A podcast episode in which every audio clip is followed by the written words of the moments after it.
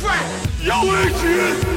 I did it! Here's Johnny. I did not hit her. It's not true. It's bullshit. I did not hit her. I want the truth! You can't handle the truth! Hej och välkomna ska ni vara till Cineastpodden.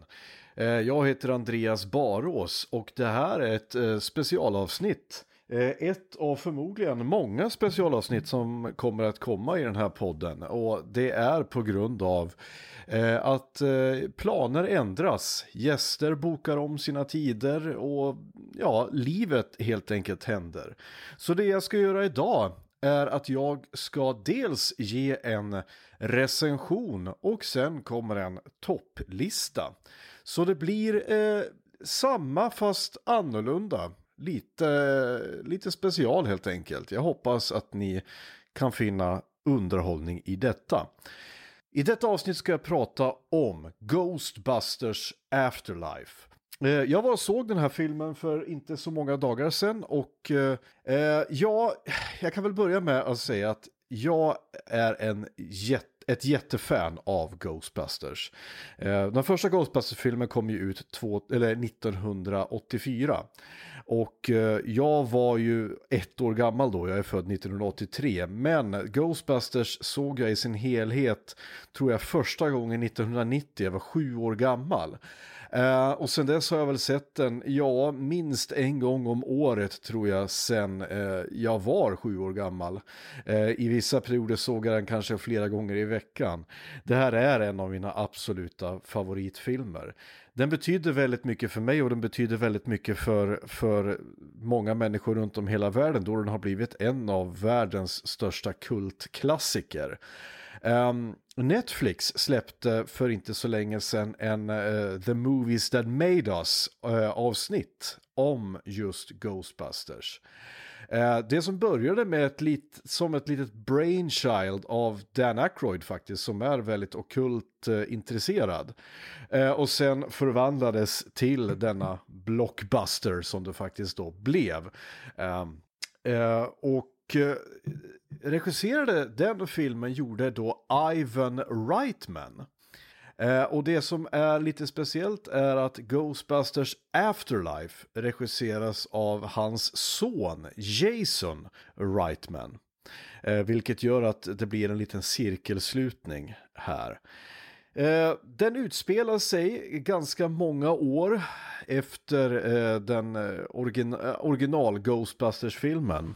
Och det märks. Och det är precis så man ska göra med en sån här eh, uppföljare tycker jag. Man ska bekräfta och, och pay respect till originalet. Men man måste också eh, fokusera på att det är ny tid nu, tiden har gått.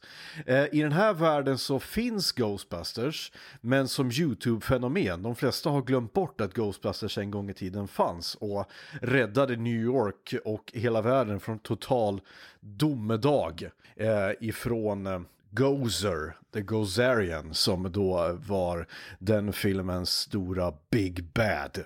En sumerisk dödsgud som vill helt enkelt förslava och förstöra hela universum mer eller mindre. Eh, nu får vi följa Phoebe och eh, hennes mamma och eh, Phoebes syster, eller bror, förlåt, bror som spelas av Finn Wolfhard som ni känner igen från Stranger Things. Eh, när de då blir vräkta från sin lägenhet och tvingas flytta ut till eh, Phoebes morfars ruckel till eh, hus, till gård som ligger ute i en, i en stad ute någonstans i Oklahoma.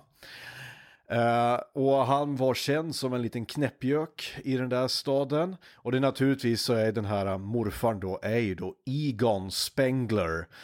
Eh, som var en av eh, original Ghostbustrarna. Eh, jag ska inte spoila för mycket i den här recensionen därför att det här är en film som vinner väldigt mycket på att man ett är ett fan av originalfilmen eh, och att man inte vet så mycket när man kommer in i eh, den här filmen. Eh, därför att den spelar väldigt mycket på nostalgi. Och det, det kan vara väldigt farligt, att, för att spelar man för mycket på nostalgi så kan det bli så att man hela tiden sitter och, och och fastnar i fällan att man måste göra fanservice. Men det tycker inte jag den här filmen gör. Eh, utan den är väldigt respektfull till originalet, respektfull till den tid som originalet kom i. Men samtidigt vågar göra sin egen grej. Uh, alla fans kommer ju att känna igen många saker. Man kommer känna igen utrustning och trailern har ju av, eh, avslöjat att man kommer att få se Ecto One. Det var alltså deras gamla ombyggda likbil eller om det var en ambulansbil. Jag minns inte hur det var riktigt. Um, och uh, den här, de här protonpacken, det vill säga det som jag som barn kallades för spöklasergevären uh, för att fånga spöken. Eh, och spökfällan naturligtvis. Men sen är det massa namn som dyker upp. Och jag ska inte spoila vilka, men alla som har liksom koll på Ghostbusters-världen kommer att känna igen en viss arkitekts namn. Eh, ni kommer också känna igen musiken. Eh, bara små ljudeffekter och vissa sådana här eh, som man kallar för, för eh, location-musik, det vill säga att man spelar en viss trudelutt när man är på en viss location för att visa att man, nu har vi bytt, nu har vi bytt eh, scen här och bytt ny location. Eh, också samma musik som används i klimaxen. Eh, det är många kära återseenden i filmen. Eh, och jag kan säga så här, jag var, jag var och såg filmen tillsammans med min 11-åriga dotter. Som inte hade någon, liksom, hon har inte växt upp eh, under samma tid som jag. Men jag har ju ändå liksom visat henne de här filmklassikerna som jag växte upp med. Vi har kollat på till exempel Ghostbusters och hon tyckte om den jättemycket. Så hon var lika uppspelt som jag över att gå och se den här filmen. Så vi var och såg den på premiären och både hon och jag satt liksom och så här, ni vet, förnöjt viskar till varandra att åh, det var den där, åh, den här kommer, det, det, det, den grejen, åh, det där känner jag igen. Åh, och eh, så att vi båda var liksom med. Och båda var lika uppspelta också eh, över saker och ting som, som hände i filmen. Eh, jag vill också så här, passa på att prisa, alltså ge väldigt stort beröm till barnskådespelarna, eller ungdomarna i den här filmen. Finn Wolfhard, känd från Stranger Things, är ju naturligtvis eh, känd tycker jag och han har ju bevisat sig tidigare att vara en duktig eh, ungdomsskådespelare. Men eh, sen har vi ju Paul Rudd, känd från, eh, ja, eh, för er som är riktigt nördiga, eh, vad heter det, eh, The Curse of Michael Myers, alltså den, tror jag nu, om jag minns rätt, den femte Michael Myers eller Halloween-filmen, som för övrigt eh, räknas som en av de absolut sämsta i serien. Men mer känd nu för tiden som, som eh, vad heter det, eh, ingen mindre än Ant-Man eh, i Avengers-filmerna. Men den absolut största credden i den här filmen skall gå till McKenna Grace som spelar Phoebe. Eh, inte nog med att hon spelar någon som jag misstänker är på spektrumet, alltså autismspektrumet, väldigt bra utan att gå till överdrift. Utan hon är lite quirky, hon är väldigt nördig, hon, är, hon älskar vetenskap men har väldigt problem med, med människor. Precis som Egon Spengler själv var. Eh, hon, det finns en scen i filmen, det här är ingen jättespoiler, men när hon hittar Egons gamla glasögon och hon tar dem mot sitt eget ansikte och ser att de passar perfekt. Och det är väl en liten, eh, ska man säga, en liten vinkning till att eh, det här är då Egons själsliga efterträdare. Eh, hon spelar den här rollen så pass bra och så pass övertygande att jag eh, blir väldigt uppspelt att se vad som kommer i framtiden för den här skådespelaren McKenna Grace. Jag tror att hon har en väldigt ljus framtid. Eh, jag, jag, jag, tycker inte jag kan säga för mycket om den här filmen eh, eh, om jag ska spoil, för, utan att jag ska spoila den. Utan det här är en film som jag uppmanar framför allt fans till originalet att gå och se.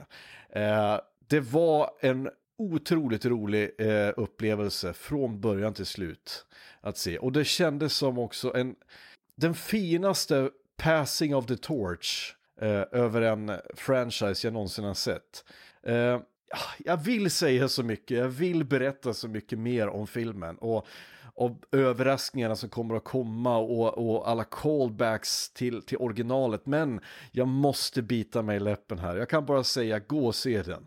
Eh, mitt första eh, bestående betyg nu från, eh, ja efter att ha sett den en gång är 8 av 10. Det är en otroligt eh, välgjord och respektfull eh, film. Det är en film jag kommer att se flera gånger, jag lovar er. Eh, men nu har det blivit dags för veckans lista. Lista. Topp 5. Topp 5. Veckans topp 5. Och veckans lista är en eh, något så svårt som en topp 5 eh, andra världskrigsfilmer. Eh, och reglerna här eh, är att filmerna måste utspela sig under andra världskriget och därför jag måste göra den här disk distinktionen så att eh, folk eh, inte kommer börja bråka med mig sen eh, och säga ja, men är det där verkligen en krigsfilm? Och så vidare. Eh, sen ska det också sägas att eh, det är så otroligt svårt att välja eh, vilka de bästa filmerna är i den här genren. För det finns så fruktansvärt många. Om det är någonting som har täckts i böcker, i serier, i filmer, i, i dokumentärer så är det andra världskriget.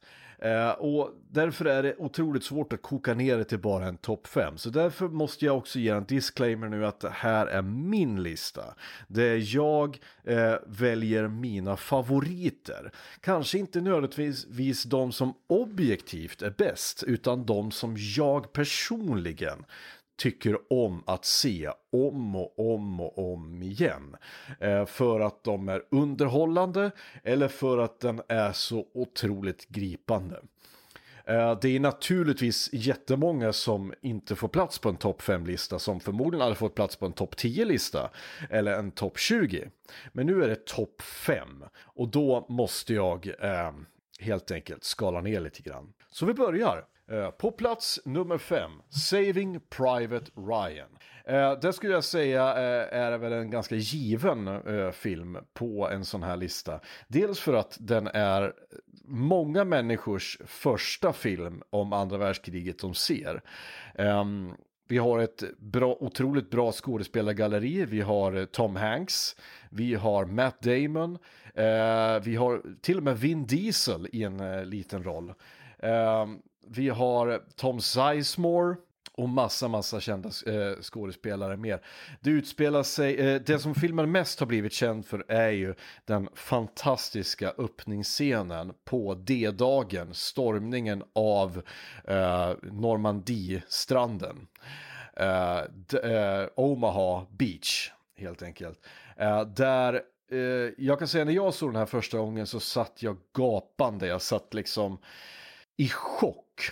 För det var så fruktansvärt. Eh, kulorna viner, folk dör som flugor. Hur, hur man får se hur, hur tränade soldater eh, kryper ihop i fost, fosterställning och skriker efter mamma. Det är absolut ingen glorifierande krigsfilm utan det är en, en, en scen som visar hur fruktansvärt det är med krig. Men det finns också några saker som jag tycker att den här filmen görs otroligt bra. Det är ju Steven Spielberg som har regisserat den här filmen ska ju sägas då. Och någonting som han eh, tar fasta på och tar vara på här, det visar vilken ödmjuk filmmakare han är. Det är en scen när eh, amerikanerna, de allierade, har när de amerikanerna, de allierade, har då eh, fått fäste på eh, Omaha Beach och stormat det första eh, kulsprutenästet. De kommer upp eh, över kanten, skjuter ihjäl lite tyskar och så kommer det två soldater som slänger sina vapen och räcker upp handen och säger någonting eh, på ett språk som inte är tyska och inte är engelska. Eh, och eh, amerikanerna skjuter ner dem. Och då frågar de, eh, då säger han, vad sa han? Då säger han, eh, den ena amerikanen, titta jag har tvättat händerna. Och det här eh, kan vi ju se mer ganska för det första, det som gör, gör den här scenen väldigt bra är att eh, det visar att am, tyskarna var inte de enda som begick eh, krigsbrott eller överträdelser under andra världskriget. Men har man gjort lite research eh, på vad de här två eh, soldaterna säger så, så hör man att det de pratar är då tjeckiska. Och de är förmodligen eh, eh, tjeckiska eh, tvångsrekryter. Eh, Eftersom ty, eh, eh, Nazityskland eh, ockuperade Tjeckien. Och, eh, eller Tjeckoslovakien som det hette på den tiden. Och eh, tvångsrekryterade soldater. Och vägrar man så blir man skjuten eller hamnade i, i arbetsläger. Och de här, då såg, de här soldaterna såg förmodligen chansen att nu kan vi kapitulera och eh, äntligen få bli fria, men amerikanerna skjuter ner dem. Och att, att ens ha med den scenen i filmen, för det hade de lätt kunnat strukit, eh, visar på att man har en förståelse för historien och för, eh, för, för att krig inte är det finns inget svart eller vitt, det finns gråzoner. Och även de som vi betraktar som the good guys kan begå fruktansvärda övergrepp. Sen ska det också sägas att själva premissen för den här filmen, det vill säga att, eh, eh, att generalstaben får reda på att, eh, det, att en hel eh, familjs eh, alla söner har blivit utplånade utom just en som är då eh, menige Ryan, Private Ryan, eh, som är någonstans vid fronten. Eh, och att de skickar en, en grupp för att eh, hämta hem honom och skicka hem, hem honom. Det kan man ju tycka för det första är en helt eh, bizarr eh, händelse överhuvudtaget. Ingen skulle liksom slösa resurser på att rädda honom. Men faktum är att eh, visst, just menige Ryan fanns inte. Och just den här händelsen har inte hänt. Men det är autentiskt till tidsperioden för det fanns nämligen en händelse eh, som kallades för The Lone Survivor Act som eh, amerikanska generalstaben införde. Men det handlade om en, en pilot som blev nedskjuten och jag tror att han hamnade i, eh, i Indokina under Eh, eh, eller någonstans i Sydostasien där i alla fall. Eh, och eh, de kallade hem då han, eh, den enda överlevande bror till den eh, eh, till den familjen. Men sen visade det sig att den här brodern då som blev nedskjuten faktiskt överlevde och han kom hem några år senare. Så det finns alltså en sanning bakom hela den här historien. Så att, Abridged, förlåt, så Rädda meningen Ryan, Saving Private Ryan är på min topp 5-lista på plats nummer 5. På plats nummer 4 på plats nummer 4 kommer då Das Boot från 1981. En eh, tysk film eh, regisserad av Wolfgang Petersen. Eh, vi har Jürgen Prochnow, bland annat i huvudrollen, eh, en av huvudrollerna där och som vi har sett i många filmer, brukar ofta spela skurk. Eh, det här är lite speciell därför att dels att det är en tysk film och eh, eh, den utspelar sig då på en ubåt. Och det var egentligen från början en miniserie. Eh, för att den är fem timmar lång. Men de klippte ner den till en 210 minuters lång Directors Cut. Och det är den versionen jag har sett av den. Eh, och det som jag tycker är bra med den här filmen är den totala liksom, klaustrofobi. Det här är nästan en skräckfilm för min del.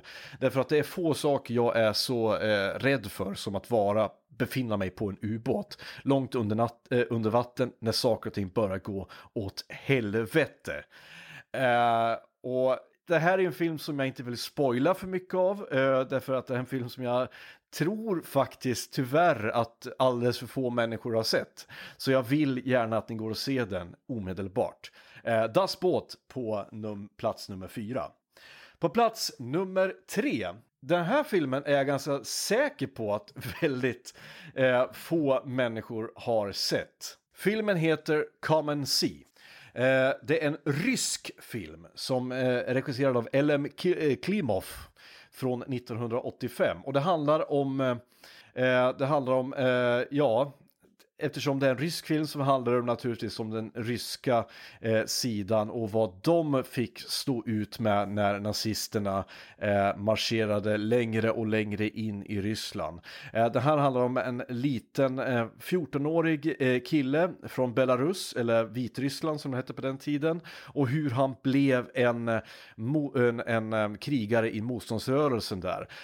och det här är också en film, eftersom jag misstänker att så få människor har sett den här, så, så, så vill jag heller inte spoila någonting om det här. Men jag kan säga att det här är en av de mest skrämmande filmerna jag någonsin har sett. En film som fick mig att bokstavligen må illa, bokstavligen behöva pausa flera gånger, för jag mådde så jävla dåligt.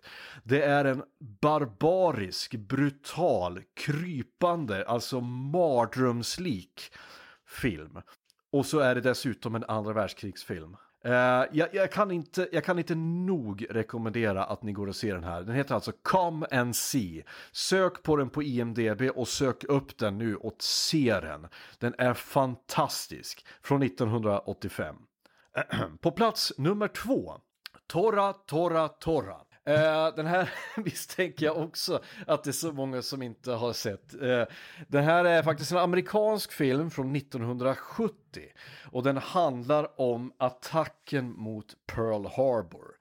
Uh, och framförallt så är det en film ur, från japanernas synvinkel. Och det, och, det, och det är också märkligt, det här är en film från 1970 från japanernas synvinkel och det är det är inte ofta man får se det. Det blev populärt först i slutet av eh, 1900-talet och början på 2000-talet, till exempel Letters from Iwo Jima, att man, någon brydde sig om att berätta japanernas historia. Och Märk väl, jag tänker inte på något sätt hylla japanerna för, eh, och framförallt inte den kejserliga armén från 1940-talet för det var en brutal, en, en xenofobisk, en, en eh, fascistisk eh, regim. Och de begick fruktansvärda krigsbrott. Men den här filmen är väldigt bra på att berätta historien som den faktiskt var. För vi måste ha mage nog att förstå varför saker och ting skedde. Eh, allting i den här filmen är praktiska effekter. Varenda en, alla explosioner, alla fantastiska stunts som eh, eh, som pilo eh, stuntpiloterna gör. Eh, det är helt jävla makalöst eh, att se. Eh, titeln, vad betyder det då? Torra, torra, torra? Jo, det betyder, torra betyder tiger på japanska.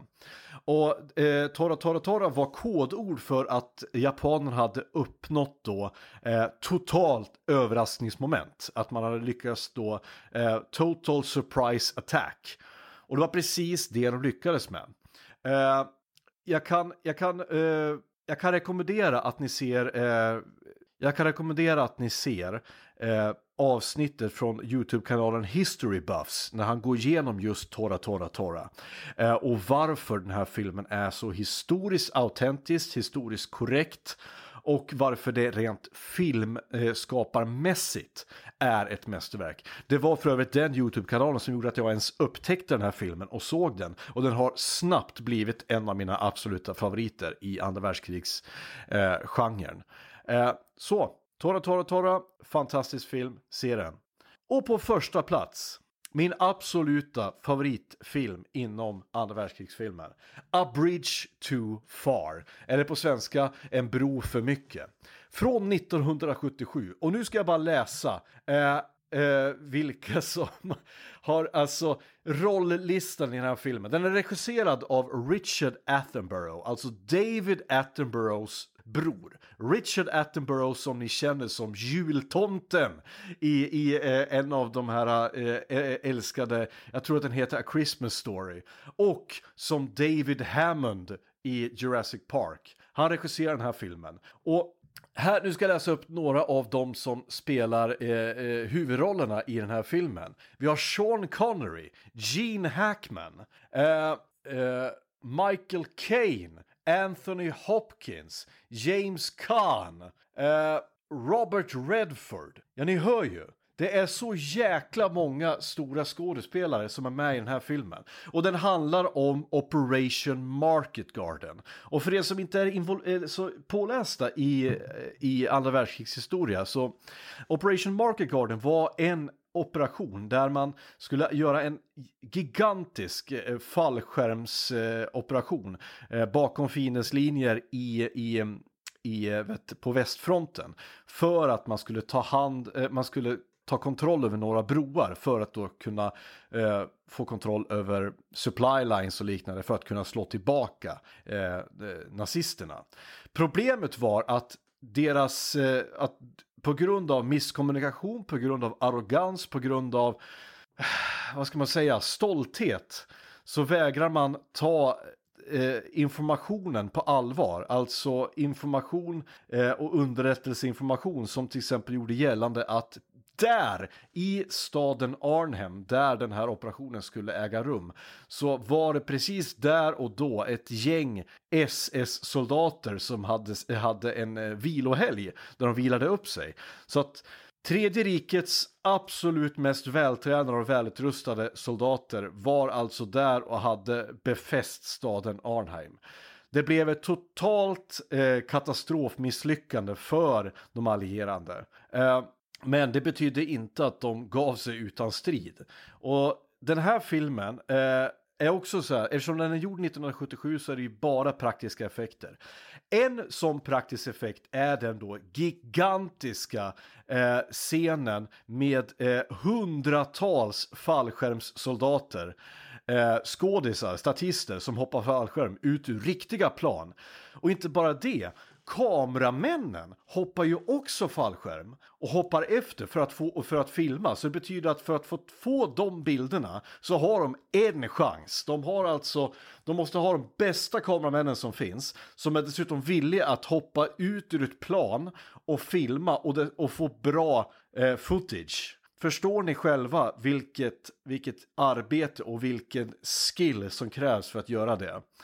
Eh, och sen är den dessutom väldigt historiskt autentisk. Eh, de har ändrat lite få, eh, väldigt få saker i filmen, men det mesta som ni ser där är sånt som faktiskt hände. Eh, så här är en film jag inte, inte kan rekommendera nog att eh, se. Okej, okay, detta var mina topp fem, men jag kan ju inte låta bli att ge eh, några bubblare också. Vi har ju Schindler's list naturligtvis. Eh, det är en film som jag eh, däremot inte sätter på så ofta att titta av förklarliga skäl, därför att den är så fruktansvärt gripande och fruktansvärt tragisk och, och, och jobbig att titta på. Den handlar alltså då om, om eh, om eh, Oskar Schindler som räddade många judar från en säker död. Och vi får se eh, livet i, i ett koncentrationsläger. Vi har också filmer som The Great Escape från 1963 eh, med Steve McQueen som handlade om ja, flykten ifrån ett, eh, ett, ett, ett fångläger eh, där en massa soldater och andra politiska fångar hålls eh, fångna och flyr ifrån. Alltså det finns så otroligt mycket att välja på. Har jag missat någon? Eh, vilka är era eh, topp fem? Ja, eh, filmer från andra världskriget. Eh, är det någon som ni inte alls håller med mig om? Skriv i kommentarerna. Eh, och som sagt, tack, eh, som jag har sagt i alla tidigare avsnitt också innan, tack till alla patrons som, som eh, hjälper mig att göra den här podcasten. Och ni patrons eh, som har eh, valt en högre summa, ni får ju också önska filmer ni ska prata om. Och det finns redan nu så ligger det ett gäng önskefilmer i pipelinen som jag har planerat in avsnitt för. Eh, jag eh, tackar er så hemskt mycket för att ni har lyssnat på eh, Cineastpodden. Eh, tala gärna om för era kompisar att den här podcasten finns och ja, kommentera, gilla. Jag finns på face Facebook, eh, jag finns på Instagram och eh, ja, på Patreon naturligtvis. Så, tills nästa gång, ha det bra, hej! Say hello to my little friend! Yo, I did it! Here's Johnny. I did not hit her. It's not true. It's bullshit. I did not hit her. I want the truth! You can't handle the truth!